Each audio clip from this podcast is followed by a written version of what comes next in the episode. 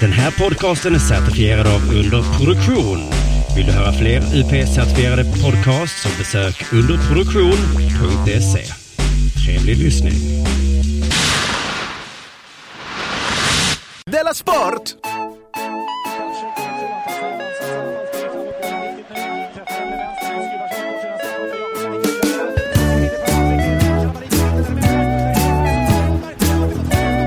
Du lyssnar på Della Sport.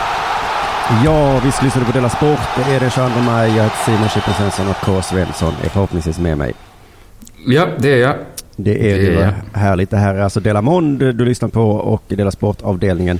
Eh, innan vi börjar ordentligt med programmet så eh, ska jag säga de goda nyheterna att det blir Della Sport inför publik på torsdag denna veckan, 25 maj.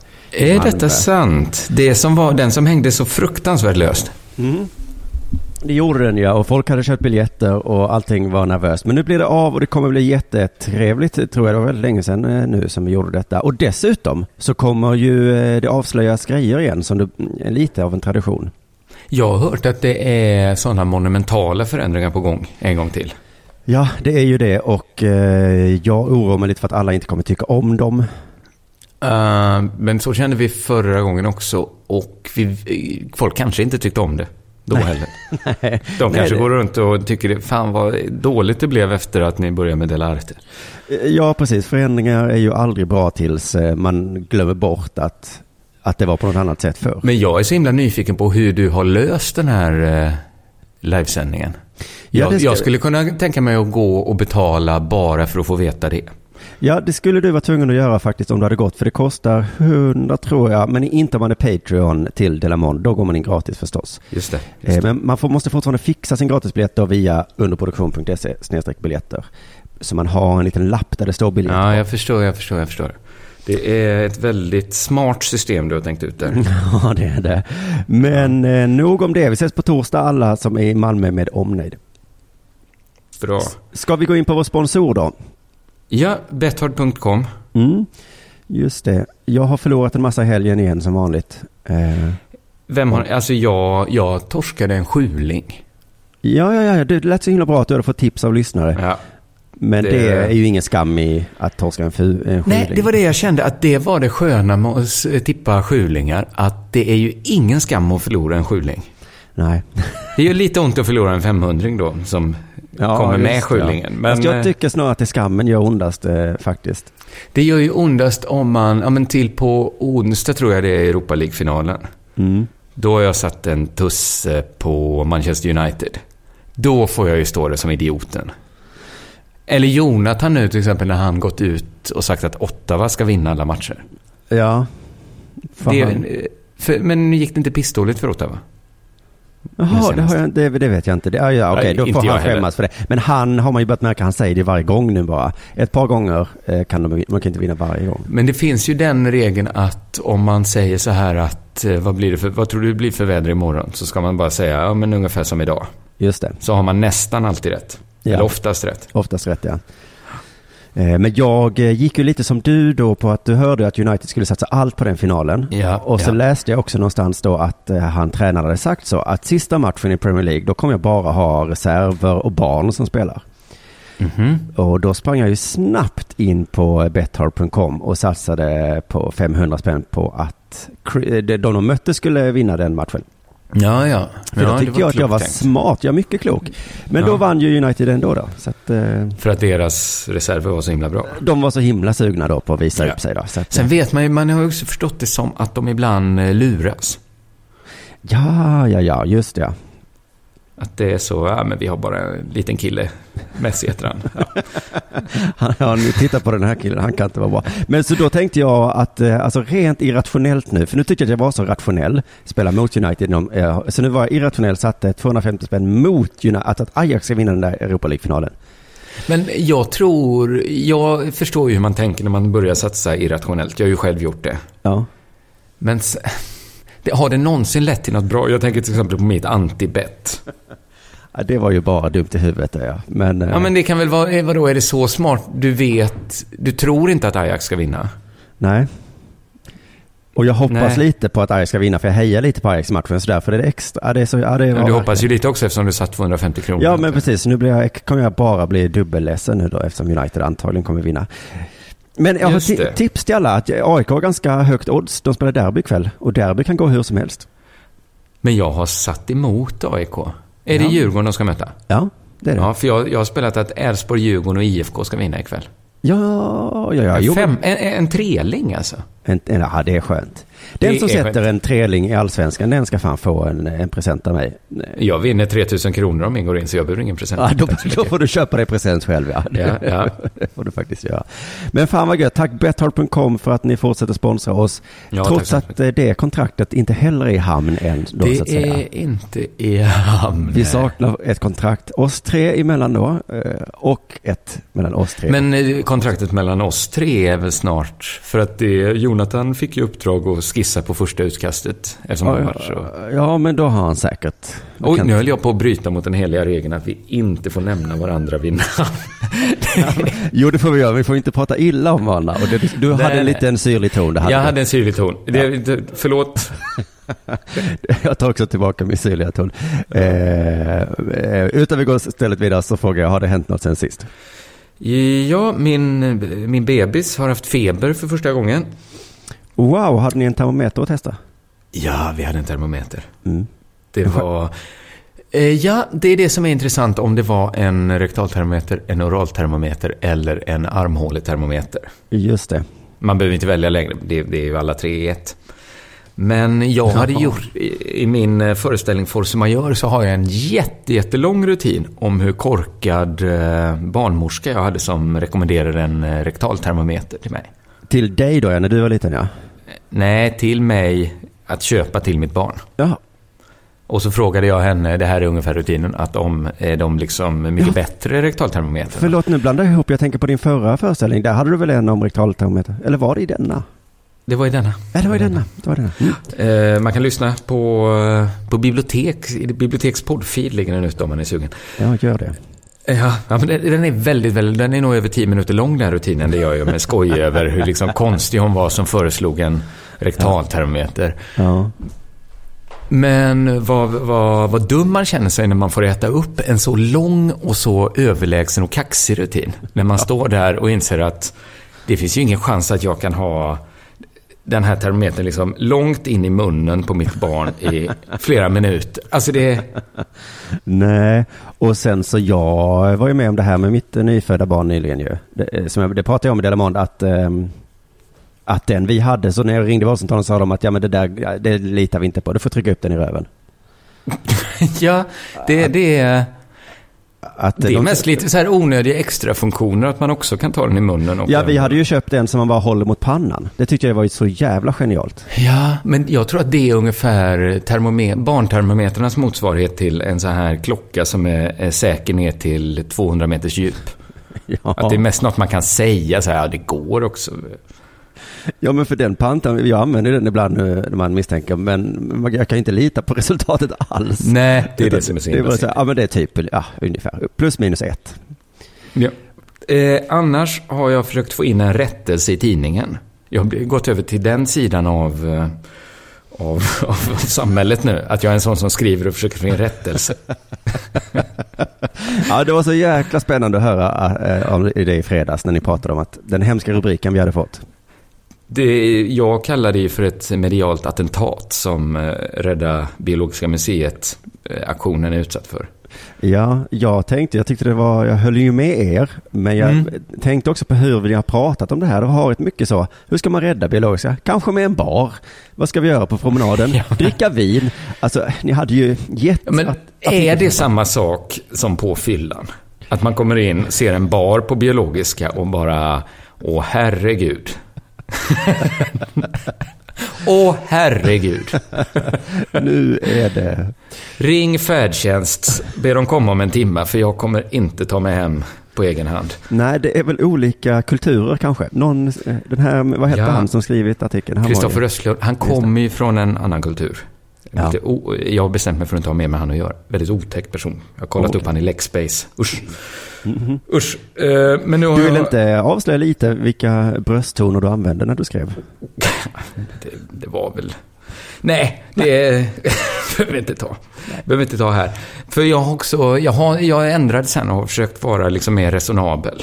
Ja, du har mej- mejlat in och så eller? Ja, ja till hans redaktör. Ja. Eh, men vet du att de har inte svarat mig? Är inte det konstigt? Man får ett mejl Ja. och så svarar man inte. Nej, det var eh, tydliga frågor i mejlet och så eller? Ja, ja, ja. Och också så här, jag önskar att ni snabbt svarar. Ja. Har du, har du någon gång gjort så? Ja. Jag har aldrig varit med om något liknande. Du får ett mejl och bara, nej, det skiter jag i att svara på. Nej, någon gång har jag nog svarat ja. Ja, det stämmer nog.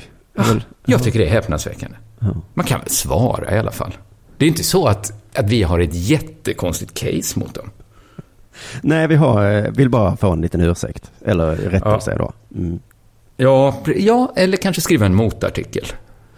Ja, kanske. Där, ja, det kan ha varit att lite av de brösttonerna jag tog i de första vittnar om att jag skulle göra någon slags karaktärsmord på Kristoffer Östlund. Och det kan jag väl hålla med om att det hade varit lite också att träffa lite vid sidan om målet. Ja, där får du faktiskt eh, stå ditt, eller vad heter det, betala. Men man kan väl svara? Tänk, tänk så snabbt Acast svarade direkt när jag mejlade dem. Ja, just det. Just ja. Jag tror inte brösttoner är något som hindrar ett snabbt svar. Nej, man kanske, nej. Man måste nog Men- tänka efter lite hur man svarar, men visst. Men är det verkligen... Mm, Och men Jag undrar rättelsen du vill vems- öta, vad är det du vill, eh, vad vill eh, ha för sagt? Du kan säga det här istället, tänker jag. ja, men att vi inte ska rädda Biologiska museet på fyllan. Nej, nej, Att det kan inte vara vinkeln. Men jag har förstått också att nu får vi släppa det. Nu får vi gå vidare. Ja. Nu ska vi inte ha mer med, med de där, eh, kriminella personerna på den tidningen att göra, helt enkelt. Och, så, och jag har känt så också att det är lite tråkigt att jag så ofta klagar på tidningar och sånt. Ja, det var ju så synd, för just nu så flög Östermalmsnytt upp som en ny favorittidning för dig. Ja, och sen ner i gruset direkt. Ja. Mm. Eh, men det känns lite tråkigt, lite förutsägbart att klaga på tidningar och säga så att nej, men det står aldrig något intressant. Och se om man något som verkar intressant så är det nästan bara rubriken som är intressant och så vidare. Ja, precis. Och så såg jag en rubrik som inte gick att låta bli att klicka på. Det stod så här. Smältvattnet rann in i Domedagsbanken. Vilken då- bank är det? Domedag. Ja, Men jag visste sen när jag klickade så här, jag klicka, klicka inte, klicka inte, klicka inte. Du kommer bara bli besviken. Vadå domedagsbank? Vad ser jag då? Det finns en domedagsbank. Det är ju fantastiskt ju. Och det är inte nyheten. Nyheten är att det rinner in smältvatten i domedagsbanken. Så den har funnits hela tiden. Det har här är hela tiden att- funnits en Det här är domedagsbank. inget att skriva om, tänker de. Nej, nej, nej. Vad gör ni där borta? Eh, Vi har bara öppnat en domedagsbank. Det är ett frölager på Svalbard. Där alla jordens fröer finns sparade. Jaha, en, en sån slags bank då? ja. Ifall alltså domedagen är här. Wow. Om något hemskt skulle hända så har vi alltid fröerna. Och kan komma igång igen. Just det. Det Det är är ju lite tungt där första dagarna när allt ligger i, i aska. Men man tänker, ja, ja, då får vi sätta igång och så. Donald Trump får ett samtal. Vet du att vi finns? Hurra. Då är det bara så igen. Men, men då gäller det ju att skydda den banken noga. Det har de glömt då. Ja, det är så... Det är tyvärr då att, att de har gjort den här domedagsbanken eh, inte vattentät då. Den klarar allt utom vatten. Det är det största hotet mot jordklotet. Översvämning. Ja, för att jag känner på mig att den ligger då på eh, Svalbard och heter, det, officiella namnet är Svalbard Globale Frövälv. Mhm. Alltså det stora globala frövalvet antar jag. Ja. Eh, och då kan jag också tycka så här att de, nu hade de ett jobb på Svalbard. Och det var att ta hand om alla fröerna. Och då, jag vill inte höra massa undanflykter. Nej. Jag vill inte höra sånt från Svalbard att det var inte vårt fel, det var den globala uppvärmningen. Ja. Som fick permafrosten att smälta. Då hör jag bara ursäkter va? ja, för det var ju precis därför ni finns. Där. Ja, lite så. Usch. Ja, eh, så det har hänt. Eh, har det hänt dig någonting sen sist? Eh, nej, men jag blir sugen på att börja spara på lite fröer. Ja. Ifall något händer kunna så ha- kan man göra sig rik på det kanske. Ja, precis. Det, om, om de inte hittar något sätt att, att liksom laga domedagsbanker. Nej, då sitter jag på allt vete helt plötsligt. Fy fan vad coolt. Det är en bra idé. Det, ja, det är också en läskig tanke att allt vete kan vara en påse frön hemma hos dig. Ja, hemma hos just mig. Var, Ja. har jag lagt det? Nej men ja, det har ju hänt mig. Jag var ju, tog ju lite ledigt från Delamon förra veckan för jag skulle förbereda underjords roast av Simon Gärdenfors som var i fredags. Eh, och eh, det gjorde jag väl med den äran, men det är helt urlakad nu lite grann. Ja, Känner det lite- förstår jag. Jag hörde att det var så himla bra. Ja, det var himla bra. Det var ju det som var den stora skräcken där då, att man inte skulle vara så bra. Men eh, jag tyckte att jag var bra och att alla var det, så det var roligt. Så jag får väl eh, tänka, jag lyssnade lite på Della Sporta från i fredags ehm, och hörde ni pratade, du pratade om Kviberg, nej det var Della Arte kanske ja. Kviberg från Metro där, Just det. att Just hans problem var att han var för skön. Ja. Journalister kan inte hantera sköna personer var din tes och du sa det på ett sätt som så jag bara kände, fan du har ju helt rätt, för fan. ja. Men så nämnde ni också Donald Trump i, i samma... Eh. Det var lite Jonathan som tog upp han som exempel på en skön... eh, Ja, just det. Och då slog det mig lite där att sköna personer och osköna personer är ganska lika. Ja. Jag tror att de är precis, precis jämte varandra. Ja, det är ju lite läskigt nästan att det är så lite som skiljer en skön från en oskön. Och det kan vara så att man är skön och sen så blir man skönare och skönare och skönare Ja. och, så, och då närmar man sig oskönhet. Liksom. Det är på Ja. samma cirkel.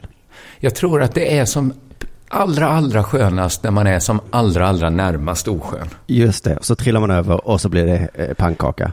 Det finns ju ett väldigt berömt Larry David, eh, avs- eller vad heter det, Curb Your Enthusiasm avsnitt. Där det här tas upp. Där Jaha. han eh, drar ett skämt om eh, ett barns kuk. För barnets föräldrar. och då frågar alla så här, hur kunde, du, hur kunde du göra det? Och så sa han, I took a risk. och det är lite det, om man ska vara så liksom överskön som Mats Skriberg, så måste man ta lite risker. Ja, och det finns ju sådana i maktposition och jag tänker också att en viss sorts komiker eh, har eh, i den risken för att de känner så här, fan vad skön jag är, fan vad skön jag är, alla älskar mig. Och sen plötsligt trillar de över. Jag träffade ju en sån eh, på roasten i fredags. Aha. Vi hade en hemlig gäst, eh, Peter Wahlbeck, Ja, jag såg det. Ja. som du dök upp. Och eh, jag var lite rädd för honom. Jag skulle ringa honom och prata lite ekonomi och sådär, hur vi ska göra med faktura och så. Och jag tänkte, Mm. fan han kommer vara dryg och oskön nu. Mm. Superskön var han i telefon.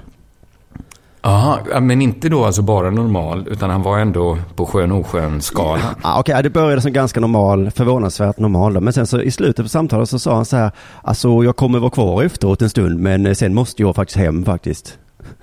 Och det tyckte jag var så gulligt att lilla Peter hade den. Ja men det är väl klart att får gå hem, så jag.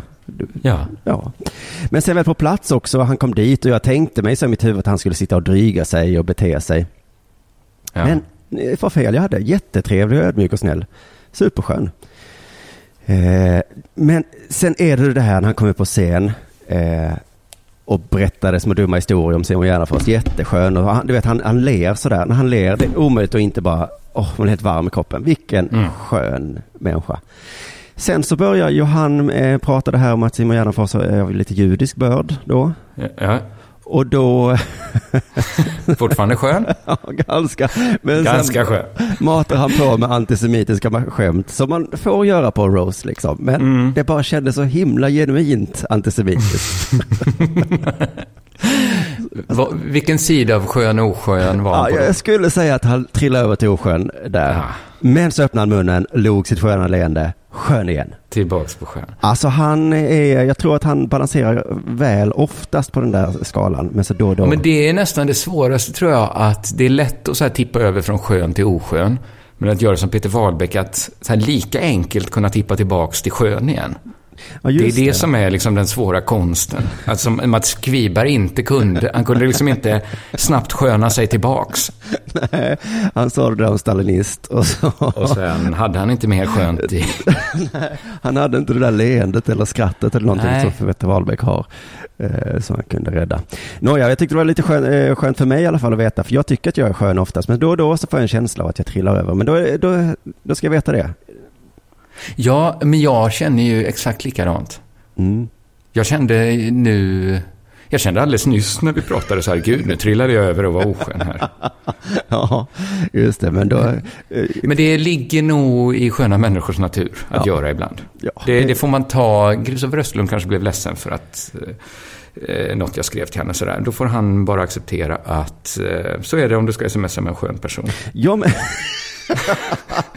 försvaret har ju länge varit så här, men han är komiker, han är komiker, det var på skämt. Ja. Men det egentliga försvaret är ju, nej men han är skön. Du måste förstå att, Ja, även om någon har varit väldigt, väldigt oskön. Så är försvaret. Du måste förstå hur skön han är. du som säger så, komiker måste liksom ibland få gå över gränsen. Nej, det är inte sant tycker jag, men sköna människor. Sköna. För att annars kan Måste. de inte vara sköna, om de inte då och då. Annars måste de ligga liksom på ettans växel hela tiden. Ja, och det Och då inte... går vi miste om mycket skönhet. Ja, så mycket skönhet vi går miste om. Nu är det dags för det här.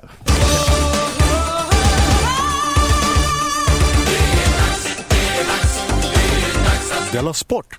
Du, Sverige vann ju VM-guld i ishockey igår. Ja, Och jag eh, har visat 0% intresse av det här under... Ja, vet du, jag visste inte ens att det var VM förrän i morse när jag läste att Sverige hade vunnit. Nej, det är ju lite som hockey-VM. För vissa går det förbi. Eh, Särskilt nu när det är på eh, speciella kanaler och sådär också. Eh, Men, men hockey-VM har alltid varit på speciella kanaler. ja, alltså men ända sedan trean började snodda åt sig hockey-VM. Ja, just det. Ja. Sen dess har du inte hängt med. Men jag på började, jag började titta i alla fall eh, igår natt när det var förlängning, sista förlängningsperioden. Aha. Så Oj, jag- vad bra att gå in där. Ja, det var ganska bra för att jag blev inte jätteglad för guldet. Eh, för jag investerade inte så himla många känslor. Nej, nej. Men, men lite känslor ändå, för det var ändå det sista, det tog säkert 40 minuter sista perioden och jag borde gått och lagt mig och så. Det låter jättemysigt tycker jag. Ja, och så, så, eh, så tänkte jag så, det var Lasse Granqvist var kommentator. Jaha, Och det i ju- tv? I tv, ja. Och det är ju lite ovanligt. Och vilken jävla maskin han är. Alltså fan. Ja. Det var ju bara, bara för hans skull var det skönt att sitta och titta på det där. Han, eh, alltså då och då går han upp, alltså sån jävla tempo och sen sänker han tempot igen. Det händer inget i matchen som liksom, eh, men fan vad gött. Men så blev det straffar och då sa han någonting då som jag reagerade på. Han sa så här, hoppas vi får ett nytt frimärke nu, sa han. Mm. Jag förstår referensen då till Lillehammer. Ja, 1994 OS då var det också straffar mot Kanada. Eh, Ja. Och eh, Foppa Forsberg gjorde ett jättefint straffmål då som blev ett frimärke. Eh, och, Ja, jag har alltid varit väldigt kritisk mot den straffen. Jaså? Varför då? Varför la han en sån jädra liksom cirkusstraff när det var så avgörande? Ja, Alltså alla hade förlorat om han hade missat den. Nu var det lite som att bara han vann. ja vet du vad svaret är? Det är för att han var så himla skön. Han var så himla skön. Och Hade han missat så var det så himla nära. Hade målvakten bara lagt sig på pucken. Ja, Inte alls gått på den. Nej. Jävla oskön Foppa är. Varför slarvar han bort den? Vi hade chans att vinna OS-guld för helvete och han tänkte bara på sig själv. Men i alla fall, nu vill många att det ska bli nya hockeyfrimärken då. Det var Lasse Granqvist där och eh, en person som heter Hägglund i Dalarnas tidning, tror jag den heter. Jag kunde inte Aha. läsa den för det var, kostade pengar där. Men rubriken var i alla fall, en klassisk VM-final kokades ner till ett frimärke. Så att det är liksom verkligen, och eh, Wennerström i Aftonbladet skrev också så det är så här, det är bara att trycka upp ett nytt frimärke. Ja, ja, det kan vi väl göra. Vilken underbar bild det var när Henrik Lundqvist lyfte armarna mot skyn. Som gjord för ett nytt frimärke. Ja. Eller, Är det Eller det sen- nya Kodak moment? Att det är... ja, och det var inte bara det ögonblicket. Det var eller när William Nylander rammar honom och, och i skär ungdomlig glädje. Det kanske Ja, blir... den skulle jag i och för sig vilja, om någon bild ska vara frimärke. Ja, det kanske blir För den var också lite frimärke. som eh, Foppas eh, straff. Att det var så himla skönt gjort. Att så här en, man vet att en ishockeyspelare väger kanske så här 160 kilo. Men liksom i vassa skridskor, allting. Tar skär över hela planen, kastar sig på. Det är så himla nära att det kan bli oskönt. ja, ja, det är verkligen en skön, eh, skönt Så det är ju motsvarigheten till Foppas straff. Eh, Han, målvakten var ju skadad under hela matchen också. Och eh, alltså tänk om det hade blivit, och fy fan vad oskönt det hade blivit. Ja, men vad skönt det blev nu. Det är, känns lite lokalt för Sverige att det är vår grej liksom. Att gör man något bra i ishockey så blir man ett frimärke. Tänker, I USA Mm. så har de Hall of Fame tror jag man kan komma in i. Eh, Ja, ja. I England blir man ju adlad. I Sverige så blir man ett frimärke. Frimärke. Och Ja. det är väl fint. Det är bara det att det är Postnord som bestämmer. Det är det Är som, det Postnord nu? Ja, som adlar folk i Sverige. det stör mig lite. Ja, lite va? Så att, vi vet ju inte än då om kung Henrik blir frimärke, utan det är ju det är upp till Postnord nu då, som får avgöra om det här var en så klassisk eh, bild. Jag tror att Postnord kan tycka att det var en klassisk bild. Ja, alltså jag gick in lite på deras hemsida för att kolla, för jag tänkte att ingen skickar ju brev längre. Nej. Riktigt, så att så fett är det inte att vara ett frimärke nu om man jämför med 94. Men de själv skriver så här, att få något personligt i brevlådan är extra uppskattat, tycker Postnord. Ja. Och sen tycker de Ja. också att kunna matcha sin hälsning med ett passande frimärke känns extra kul och genomtänkt. Lite som pricket, pricken över i. Det finns många olika motiv att välja på för olika behov. Så har jag fan aldrig tänkt med ett frimärke. Det, Säg det med ett frimärke. Nej, jag brukar ta dem man, man får. tack för vykortet från din semester du. Och vilket fri... Ah, det var... Det fattar jag du. Det var pricken över... Åh, tack så mycket. Först fattade jag ingenting. Vad menar han? Sen såg jag liljorna på frimärket. Det var ju för fan Silvia där ju. Ah! Jävla king, queen. Mm. Jag har också intresserat mig lite för ishockey-VM eh, nu när Sverige vann. Mm. Hade inte du förresten eh, några illar du tagit ut så vi kan få lite av eh, stämningen? Jo, vi kan få lite stämning då. Det är målvakten kung Henrik eh, då som, som jag tyckte bara att han inte lät så glad. Aha. Han fick frågan, och det här är ditt första VM-guld. första VM-guld i karriären. Ja, det är fantastiskt. Jag är så glad. Jag är så glad. Jag är. Han, alltså det här att han säger att han är så glad. Ja, det mig precis. Det brukar man inte säga när man... Det brukar höras, ja. Det gjorde inte riktigt det. Nej, eh, precis. Man blir misstänksam av någon som eh, måste säga det. Och sen så bara var det i slutet på intervjun, det var ju, handlade mycket om att han skadade, hade spelat, hade gjort jätteont då hela matchen. Aha, aha. Och sen i, i slutet då så är han glad lite av en annan anledning också. det har varit en slitig vecka. Jag ont överallt känns som, så det ska bli skönt med semester nu. Trevlig semester säger vi då. Ja, men tack ska du ha. Ha det bra. Mm, det är inte vanligt så i guldintervjuer tänker jag. Att man fokuserar så mycket på nu ska det vara skönt. grattis till VM-guldet. Ja, ja, jo, men nu ska det bli skönt med semester. Slippa den här skiten. Han ser det verkligen som ett jobb. ja, det, det får man säga. Att, han kanske inte ens blir glad när de går till slutspel. Han ser det som övertid. Just det, då får Han jag med. hatar framförallt övertid antar jag. För att det är bokstavligt talat övertid i Lumpkans liv. Bokstavligt Ser hur han firar fram en telefon och ringer hem och säger det. Jag måste jobb- jobba övertid idag. Det kan bli... Ja, om det blir två eller fyra minuter, det får vi se. Han ringer dagis. kan bli sent till hämtningen idag. Alltså.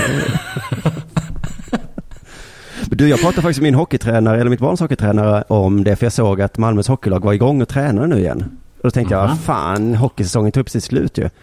Ja. Och så sa jag det till honom, för jag hade inte så mycket att prata med honom om. Och så sa jag, ah, det verkar jobbigt här. Men då sa han bara så, äh, jag hade väl kunnat tänka mig att göra lite bänkpress för 300 000 i månaden.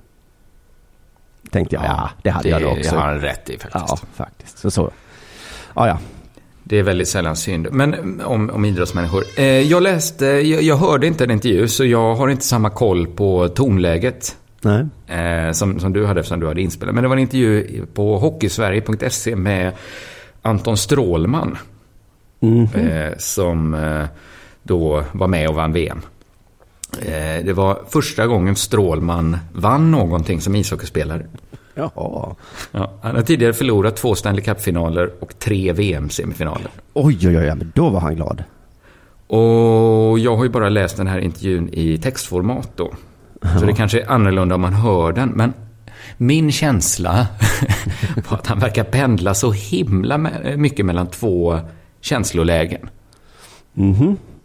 För att han är antingen så här eh, väldigt eh, känslig och insiktsfull. Eller så är han en blandning av kakmonstret och Klimpen i Bert. Oj, oj, oj, oj. Jaha. Det, börjar med att vi, han får vi svara får på nog hur, förklaring här snart, lyssnare. hur det är att vinna för första gången. Ja. Då kommer han direkt igång och ja, det är fantastiskt, det är grymt. Från att ha varit en riktig jävla loser till att äntligen få vara champ. Det känns fantastiskt. Nu är man inte längre någon jävla loser längre. Flinar han för att sedan bli riktigt känslosam i nästa ögonblick. Klipp till nästa ögonblick. Jag känner en stolthet över grabbarna. Hur vi spelar, hur vi kommer ihop som lag och glädjen vi har tillsammans. Det blir inte bättre och det är därför vi står här med guldmedaljen. Och så här är liksom eh, alla hans svar. Det är bara de här två polerna, eftertänksam känslig, kakmonstret som han pendlar mellan. Men det var, det var stor skillnad i hur du läste upp förstås. Ja, men det är för att jag inte har hört den då, så att jag, jag får ju försöka gissa hur han talar. Ja. Det kommer ett till exempel här, snabba, där snabbt eh, skiftar. Den enda nervositeten man har, den är att man inte vill svika sitt lag. Och den rädslan är också en motivation. Sen får han frågan hur det är att spela ihop med Viktor Hedman. Det är otroligt, han är så jävla duktig och det är så jävla kul att spela med honom.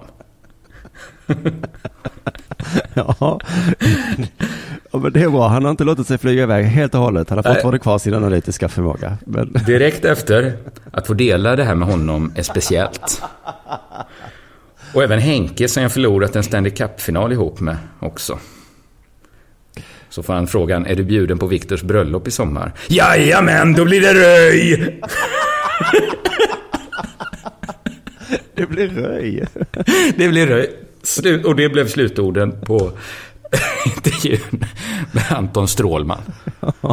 Men jag, jag måste försöka hitta den här intervjun. Jag hann inte det i morse nu för mitt barn har varit sjukt och allt sånt. Just det, men, Men, gud vad eh, spännande. Ja, om, om, tänk om han låter exakt så. Men det var ju faktiskt samma med den här intervjun jag hörde med Henke Lundqvist, att han sa, jag är så glad, så glad. Och Fast han gjorde inte den här rösten. Nej. Och sen växlade han till eh, eh, teamet har varit fantastiska och han gjort en liten sån genomgång hur, hur alla hade kämpat. Det kan varit jag som gjort en, en höna av en fjäder alltså. Ja, det kan ha varit det. Men då, men då hoppas ja. inte, hoppas inte. Du lyssnar på Della Sport.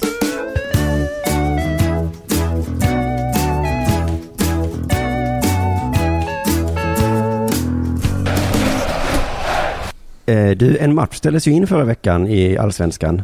Ja, detta läste jag. Mycket spännande. Ett matchfixningsförsök. Mm. Det var då en spelare i AIK som fick erbjudande som han kunde säga nej till. Ja, men kunde de inte spelat då? Eh, jo, men det var väl risken, jag vet inte, han kanske mådde dåligt. Men erbjudandet han fick var i alla fall, spela dåligt emot eh, och så får du massa pengar. Ja. Och så har det stått att det var något förtäckt hot eh, inblandat också. Men hur dåligt var han målvakt?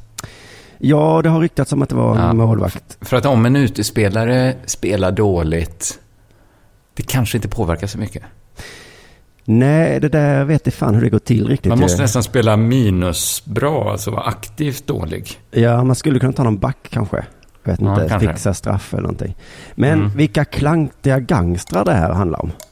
Mhm. För jag har sett lite filmer på det här temat. Eh, Ett gäng möter upp en person, säger saker som nu gör du som vi vill. Annars så, och så har de någon slags bra hot där eller någonting. Mm. Sopranos var ju mycket eh, på det temat. Just det. Just Och, och, och då var det ju aldrig så att, att de eh, sprang till pappa och skvallrade så. Nej, precis. De får göra det väldigt tydligt att det här är inget du skvallrar om. Nej. Nej, så att det, det är ju läskiga gangstrar men eller var det för lite pengar bara kanske de erbjöd? Eller att han var jätte, jättemodig, målvakten. Ja, just det. Alltså att... Ja, det kanske var så. Vi vet var dina Det barn bor. vara- Vi vet eh, dina ben kommer vi krossa. Eh, och så right. vidare. Och han bara, ja, ja, ja. Ja, ja, det tror jag när jag säger det. Du vet, jag är lite idrottsman. Ni är sådana super och knarkar och sånt.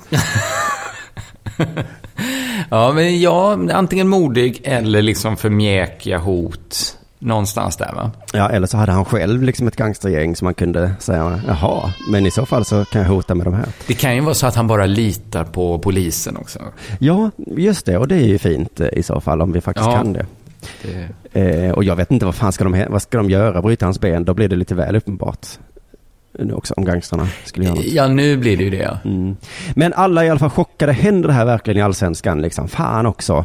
Eh, Sveriges fotbolls generalsekreterare sa så här. Det är en mycket allvarlig attack mot svensk fotboll och det kommer vi aldrig att acceptera. Och då undrar man vad Nej. frågan var där. Eh, var frågan, när kommer ni acceptera matchfixningar?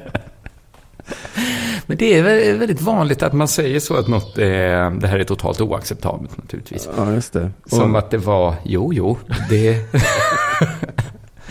det här tycker vi är direkt, direkt fel. Mm. Eh, jag vet att ni tycker illa om det nu, men en dag kanske ni måste anpassa er efter verkligheten. Nej! Aldrig. Nej, vi kommer aldrig ge bort allsvenskan till ett brottssyndikat. Men eh, jag har funderat lite på det här i dagarna nu, varför, varför vi hatar matchfixningar så himla mycket. Ja, det känns ja. ju naturligt i kroppen nu att tycka illa om det såklart. förstör ju mycket av eh, själva sportmomentet. Om det blir en tävling mellan två eh, syndikat då. Vem som kan hota motståndarens målvakt. Ja, hota på det sättet, inte med, med inlägg utan med, med vapen. Men det är ju det, vi vill att rätt lag, eller bäst lag ska vinna utan yttre påverkningar då ju. Men... Det beror lite på vilka yttre påverkningar också. Ja. Man talar ibland om publiken som den eller, tolfte spelaren. Ja, alltså jag vet hur ofta det händer att rätta bästa laget vinner utan yttre påverkningar. Jag skulle säga aldrig att det händer. Någon yttre påverkan kommer ofta in, ja. Ibland gör domaren ett avgörande misstag. Det var kanske offside. Eh, Det händer rätt så ofta det där. Ibland ösregnar det. Ibland är någon skadad. Ibland är någon eh, viktig spelare lite sjuk. Ibland studsar bollen oturligt på ett ben eller på en tuva. Eh, Så den går ja det är lite för, för brett att säga yttre påverkan, ja. Ja, alltså den som vinner i fotboll har alltid haft många tillfälligheter på sin sida. Det är... ja. Och matchfixning är väl egentligen då bara ytterligare en yttre tillfällighet.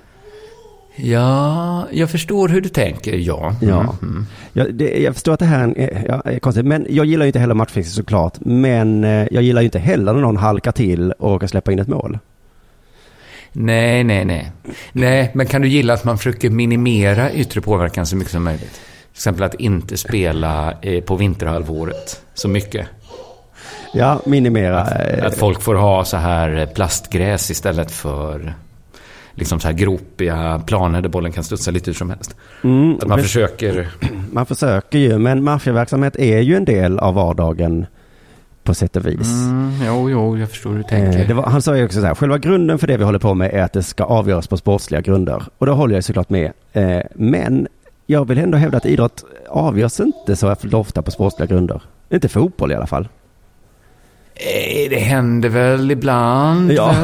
det gör det. Men vill du gå ner, friidrott är ju liksom den renaste där. Där är det inte så mycket slump utan De har ju till och med att så här blåser det för mycket så, eh, så räknar de inte det som ett rekord. Nej, precis. Du vann, För mycket men... yttre... Precis. Eh, Men just en sport som fotboll, alltså där låtsas man ju till exempel att skador, det hör till sporten säger man. Då, då får du ha en bred trupp med många spelare. Man låtsas att domarens kvalitet hör till sporten. Det där jämnar ut sig säger man. Ja. Så att man liksom hittar på, det är en del. Men då kan väl maffia vara en matchfixning tror jag jämnar ut sig också. Tror du det? Jag tror ingen Ja. matchfixare ser till så samma lag förlorar varje match. Då blir det inga... Det skulle vara om de hejar jättemycket på ett lag och vill liksom två, slå två flugor i en smäll. De vill både att IFK vinner för Ja. att de är liksom med i föreningen. Ja. Har varit länge. Ja, det är ju den värsta formen av matchfixning kanske om någon rik eh, oligark hejar så mycket på laget. Så att, Ja, eh, men annars så tror jag att de här matchfixarna eh, ser till så att Göteborg blir jättebra och sen när oddsen höjs på de andra lagen så ser de till så att Göteborg förlorar. ja det kanske ändå eh, skulle bli ungefär samma. Ja. Ja, jag vet inte. Thomas Wernerström, gamla målvakten, sa något så himla bra om det här. Han fick frågan om hur man ska stoppa matchfixningen. Mhm. Och säger han, jag vet inte riktigt. De är ju gangsters, så det spelar ingen roll vilka regler man sätter upp. De går utanför dem. Det var bra sagt tycker jag. Ja. Han har helt För rätt. att reglerna finns ju redan uppsatta antar jag också. Ja, det Det kan inte vara det som saknas, en regel mot att man får inte muta. Nej, alltså det är liksom, han tänker himla rätt på ett sätt här. Vi kan inte lösa det med regler för det är gangsters. Men det är också att han tänker i sporttermer och så. Hur ska vi förhindra det här? Hmm, vi kanske Ja, för- sk- skriver upp en Just det, regel. för, för på planen hade det ju varit... Det är ju bara att sätta upp en regel. ja, Du någon- får inte liksom, eh, när det är hörna får du inte gå fram till målvakten och erbjuda han pengar. För då får, då får du rött kort direkt. Ja, just det. Men Du vi inte fråga honom om andra olagligheter också. Hur stoppar vi morden i Malmö nu? Ja du, jag vet Ja. inte. Regler hjälper ju inte. Hjälper ju inte. Det hjälper verkligen inte för de går utanför dem eh, då. Det, de är ju gangsters då. Så. Ja, det är ju en väldigt korrekt beskrivning av eh, verkligheten. Att det, Ja. det är ju dumt med lagar att de som man, de liksom ska hindra från att göra saker, det är precis de som struntar i lagar. Mm, Det borde finnas någon, eh, vad heter det, eh, ett uttryck för det. Ja, men för jag bryr mig ju jättemycket om lagar. Men jag är ju också en sån som inte mördar människor till exempel. Nej, du har ingen, man, jag har inte heller en fallenhet för liksom, att stjäla direkt. Nej. Nej. Jag, jag är så himla laglydig numera. det är ju fantastiskt. Jag tror inte jag har brutit en lag på år. Så att om vi vill liksom förhindra dig att skriva arga mejl med brösttoner, då, då är det bara inför en lag. Inför en lag mot vad man får skriva. Ja, mot stora versaler i, i, i ämnesraden tycker jag i alla fall. Där. Ja, om det kommer en lag Ja. så kommer jag känna att nej, den berör mig. Jag går inte utanför lagar. Nej. Ja men vad gött då, då hann vi till slutet på Dela Sport eh, även idag faktiskt. Ja, Mm. eh, tack Betthard som är sponsrar detta. Gå gärna in och sätt några hårda bets. Just det, och tack alla våra deep-likare på Patreon som, som vars stöttning är ovärderlig faktiskt. Tack så hemskt mycket. Ja, verkligen. Hoppas många Patreons kommer till den här extremt spännande eh, livesändningen då på torsdag redan. Just det, man får reda på nyheterna ett helt dygn före alla, alla Man får andra. också veta hur du har löst livesändningen. Det tror jag nästan är mest spännande för många. Men även folk som inte är Patreons eh, går ju för 100 kronor. Men då Just. kan man nästan lika gärna passa på att bli Patreon tycker jag. Ja, det är faktiskt billigare, skulle jag säga. Så eh, tack för idag allihopa. Ja.